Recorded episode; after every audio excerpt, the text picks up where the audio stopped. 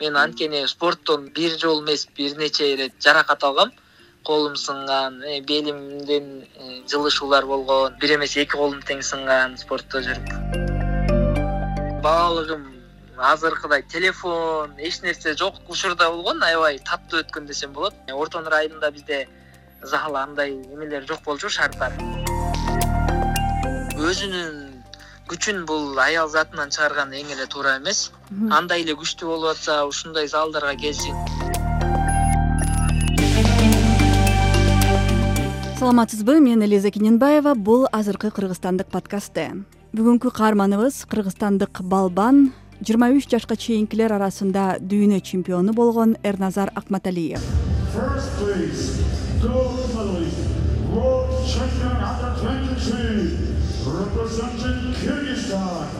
эрназар акматалиев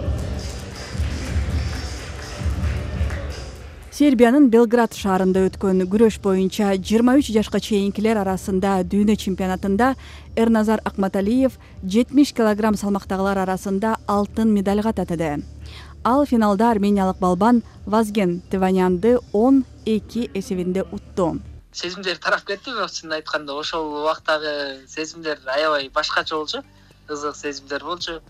Э, кандай кыларымды биле албай жетине албай турган чагым болчу да. Азыр болсо ал сезимдердин баары тарады азыр кийинки буюрса чемпионатка дайындык көрүүнүн үстүндөбүз эрназар акматалиев жыйырма үч жашта ал нарын районуна караштуу орто нура айылында туулуп нарын шаарында билим алган. Эрназар саламатсыңбы? Интернетте сенин тиги же бул мелдешке катышканың жетишкендиктериң тууралуу маалымат көп экен бирок өзүң тууралуу жеке маалыматтарды мен таба алган жокмун. Ошондуктан өзүң тууралуу көбүрөөк маектешсек ушул эркин күрөштү тандап алышыңа эмне себеп болду эле? Бизде эркин күрөштү тандаганымдын себептеринин бири өзүмдүн атамдын бир тууган иниси эркин күрөштө тренер болуп иштечү. Ал биринчи себеп экинчи себеп биздин нарын шаарында ал убакта э, грек рим күрөш секциясы жок болчу бизде такыр жалаң эркин күрөш секциялары бар болчу. Грек рим күрөшү бизге нарынга андан кийин келип кирген. Ошондуктан эң баары популярдуу спорттун түрлөрүндө биздин ошондо нарында күрөш болчу. Ошондо канча жашыңда келдиң күрөшкө? Күрөшкө мен он жашымда келип баштагам ата энем дагы түрткү берген. Атамдын бир тууган иниси тренер болчу деп атпаймынбы. Ошол байкем келип шыктандырган мындай күрөшөсүңбү э, кандай көңүлүң барбы деп сурап өзүмдө дагы көңүлүмдө ал убакта бар окшойт сразу эле жок деген эмесмин сразу эле макул болуп э, катышып калгам да үй бүлөдө беш бир тууганбыз беш бир туугандын үчүнчүсүмүн. Менден улуу эжем байкем анан менден кийин эки карындашым бар. Э, атам өзү азыр ошо нарын районунда грек рим күрөшүнөн тренер болуп алектенет апам болсо э, ошо айдоосто эле э, мед айым болуп эмгектенет. Шерал сыдыков атындагы олимпиадалык резервдүү окуу жайын бүтүргөм. Мчкасто ошол эле жерде пат курсу бар болчу. Үч жылдык тренерский факультет ошол жакты бүтүрүп азыркы этапта кыргыз мамлекеттик юридикалык университетинде магистратуранын экинчи курсунда окуп атам. Быйыл акыркы жылым буюрса э, алтынчы жылым десем болот. Бакалаврды бүтүрүп анан магистратуранын экинчи курсундамын. А эмне себептен ошо юридикалык академияга тандап алдың? Спорт жагын эле тандай бербей өзүмдү башка жагынан да текшерип көрөйүн дедим. Бирок көрө аласыңбы өзүңдү юрист катары? Албетте буюрса алдыда э, күрөш карьерабызды бүтүргөндөн кийин юридикалык жагын да өзүбүздү сынап көрөбүз. Негизи карьера күрөштө канча жашта бүтөт отуз беш кырк. Аябай көпкө чейин күрөштү дегенде кыркка чейин күрөшөт. Анткени ушул эле олимпиада оюндарында э, кырк отуз тогуз кырк жашындагы кубалык балбан төртүнчү жолку алтын медалын жеңди кырк жашында. Ошондуктан мен ойлойм биз деле ошол жашка чейин күрөшсөк болот го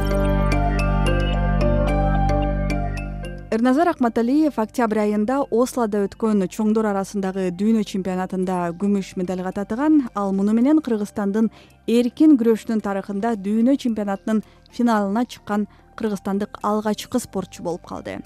Бир миң тогуз жүз токсон төртүнчү жылдан бери дүйнө чемпионатынан кыргызстандын эркин күрөш балбандары болгону беш коло гана байге алышкан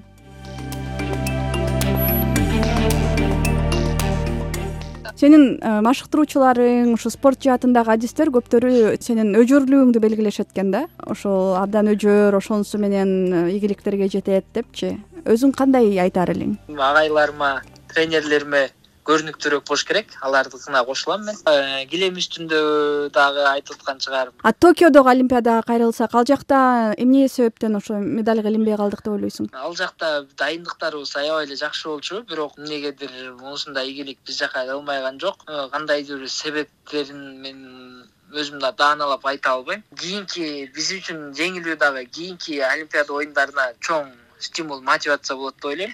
Биз аны жакшы жагынан кабыл алабыз кийинки олимпиада оюндарына биз андан дагы эки эселеп жакшы дайынданып барууну азыр пландап жатабыз негизи бул биринчи олимпиадаң болду да? Э ооба ошондо эмнени өзүң алдың эмне сабактарды алдың ушул биринчи олимпиададан? Олимпиада оюндарына жеке эле физикалык жактан эмес баягы тренировкадан эмес моральный психологический баардык жагынан дайын болуп барыш керек экенин өзүм түшүндүм.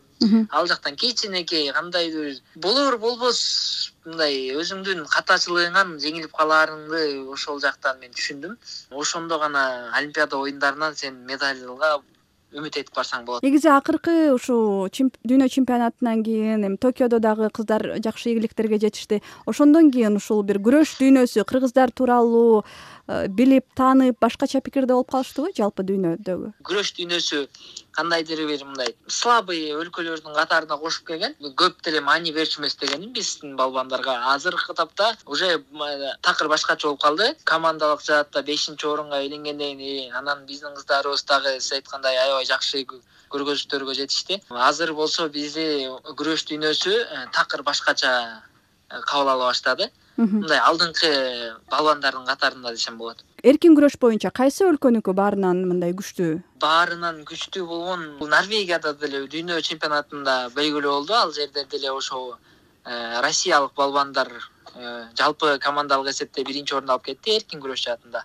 Ошол эле алар менен тең тайлашкан америкалыктар жана иран балбандар болду биринчи үчтүктө ушул үч мамлекет аябай эркин күрөш боюнча өздөрүн аябай күчтүү көргөзө алышты десем болот. Акыркы мен ушу э, күрөшкө катышып күрөш менен алектенип келаткандан бери ушул үч мамлекетти мен алдыңкы үчтүктө деп эсептейм. Кийинки олимпиадада кийинки чемпионаттарда дагы жакшы ийгиликтерди көрсөтүш үчүн дагы эмне кылыш керек деп ойлойсуң? Балким мамлекет тарабынанбы? Кандай колдоо болуш керек деп ойлойсуң? Мамлекет тарабынан бизге э, баягы шарттарды залдарды салып берип э, окутуу үйрөтүү сборлоруна акчаларды убагы убагы менен бөлүп берип турса эле бизге чоң жардам болот. Э, баягы өзүбүздүн шарттарыбызды залдарда болгон ошол эле тамак аш жаткан жерибиз э, окутуу үйрөтүү сборлорунда жаткан жерлерибиз ошол жакта эле тамак ашта витаминизацияларды ушуларды көзөмөлдөп өз убагы менен которуп турса бизге мамлекеттин жардамы чоң болмок.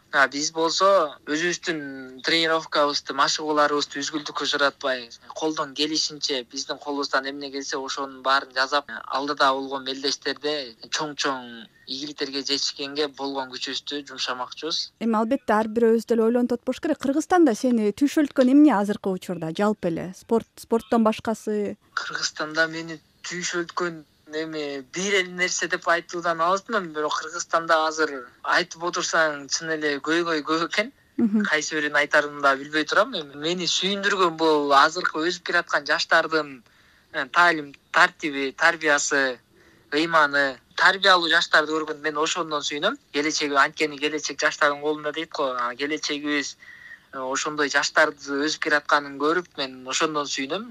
Келечегибиз жакшы болоорун акыркы кездерде аялдарга кол көтөргөн мисалы кол салган э, же зордуктаган же ар кандай баягы көйгөйлөр көп чыгып атпайбы? Ошондойлор тууралуу оюң кандай? Ошондой эркектер мындай күчүн ошол аялдарга колдонгонунчу? Ал боюнча мен аябай эле терс көз караштуурамын ал негизи туура эмес. Өзүнүн күчүн бул аял затынан чыгарган эң эле туура эмес андай эле күчтүү болуп атса ушундай залдарга келсин же болбосо кандайдыр бир жака жардам берсин э, иштесин такыр болбой атса билбейм дагы башка кандай айтышты аларга.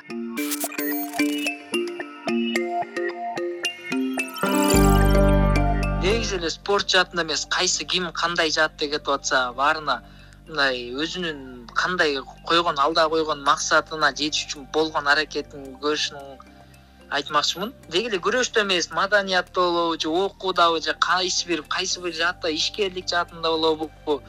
Ар ким өзүнүн ишин өнү сүйүп чын дилинен кылса ар бир иште өнүгүү болот да ошондо мамлекетибиз өнүгөт деп ойлойм. Кандай кыйынчылыктар болбосун кандай тоскоолдуктар болбосун өзүңөрдүн максатыңарга жетүү үчүн болгон күрөштү эч качан токтотпогула демекмин эми ар кандай буттоозулар болот сенин колуңан келбей калышы мүмкүн. Мындай ар ким ар кандай айтышы мүмкүн? Душман деген бар дос деген бар. Э, алардын баарына көңүл бурбай эле өзүңдүн болгон кыялыңа жетүү үчүн э, өзүңдүн аракетиңди көрө бер демекчимин. Сага айтыштуу беле ой колуңан келбейт деп. Мага болгон бирок көп эмес. Мен анткени спорттон бир жолу эмес бир нече ирет жаракат алгам. Колум сынган белимден э, жылышуулар болгон. Бир эмес эки колум тең сынган спортто жүрүп ошондуктан туугандардын арасынан спортту көп түшүнө бербегендерден айткандар болгон бирок ага карабай машыгууну уланта бергенбиз жыйынтык жаман эмес буюрса дагы келечекте да мындан дагы жакшы жыйынтыктарга жетебиз деген үмүттөмүн рахмат эрназар. Ийгилик мындан ары дагы көп жетишкендиктерге жет